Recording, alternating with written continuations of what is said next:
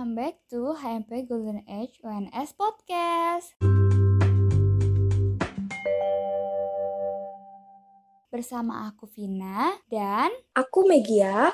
Di episode kali ini kita akan membahas mengenai Hari Dongeng Internasional. Sebelum kita membahas Hari Dongeng itu sendiri, teman-teman tahu nggak nih apa sih dongeng itu? Hmm, dongeng itu adalah cerita prosa rakyat yang dianggap tidak benar terjadi atau bisa disebut juga fiktif.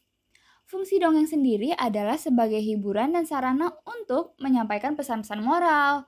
Hal itu disebabkan karena cerita dalam dongeng banyak yang melukiskan sebuah sindiran dan kebenaran berisikan pelajaran moral. Dongeng menjadi salah satu cerita fiktif yang biasanya diceritakan kepada anak-anak sebagai pengantar tidur nih teman-teman. Dan ternyata dongeng itu ada harinya nih teman-teman. Hmm, kira-kira kenapa ya dongeng itu ada harinya?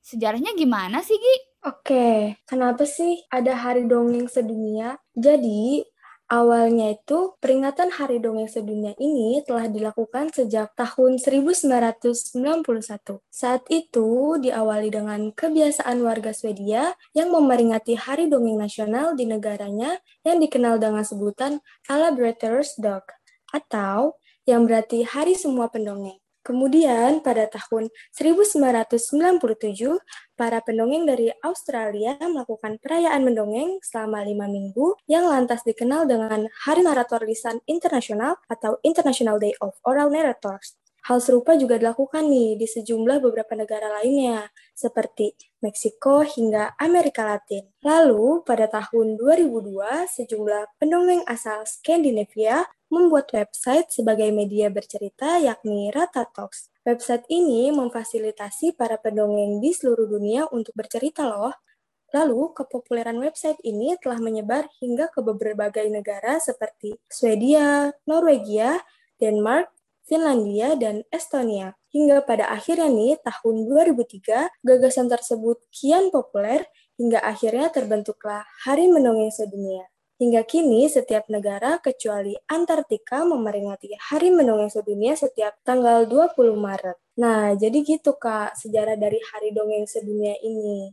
Nah, sebenarnya apa sih Kak tujuan diadakannya Hari Dongeng itu? Nah, tujuan diadakannya Hari Dongeng itu sendiri Selain sebagai wadah para pendongeng untuk bisa terus berkarya dan bercerita, Hari Mendongeng Sedunia juga dijadikan sebagai pengingat untuk anak dan orang tua agar dapat memberikan dan mengambil nilai-nilai dalam sebuah dongeng.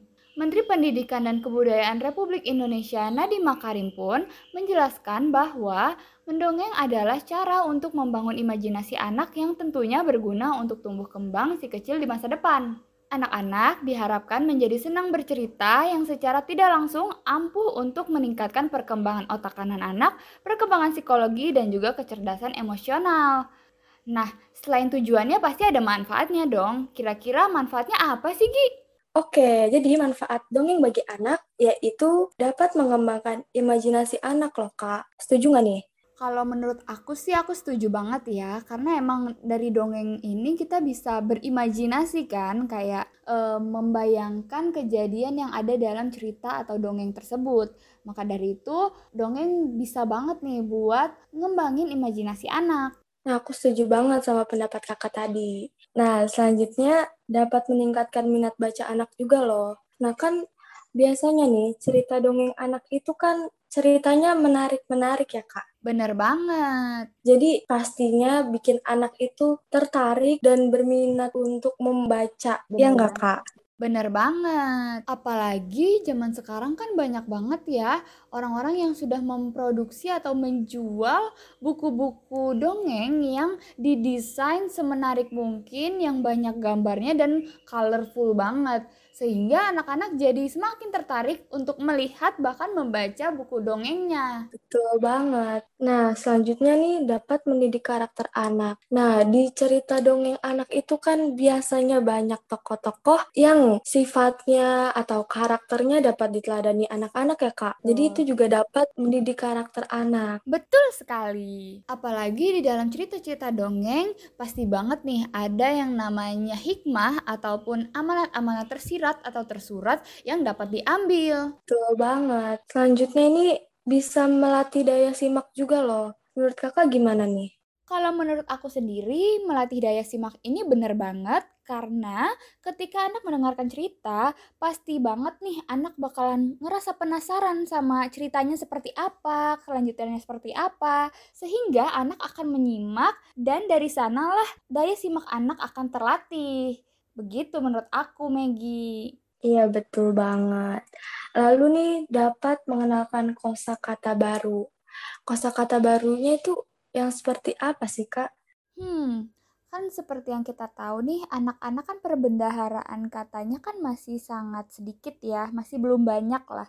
Nah, dari dongeng ini banyak banget kata-kata yang pastinya anak itu sebelumnya belum pernah dengar dan akhirnya anak itu jadi tahu karena mendengarkan cerita dongeng tersebut. Gitu, Maggie.